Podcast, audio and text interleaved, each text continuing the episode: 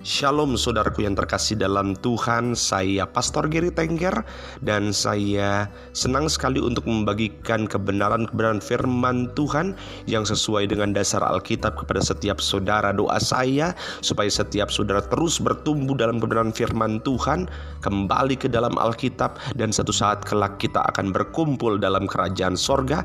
Tuhan Yesus memberkati.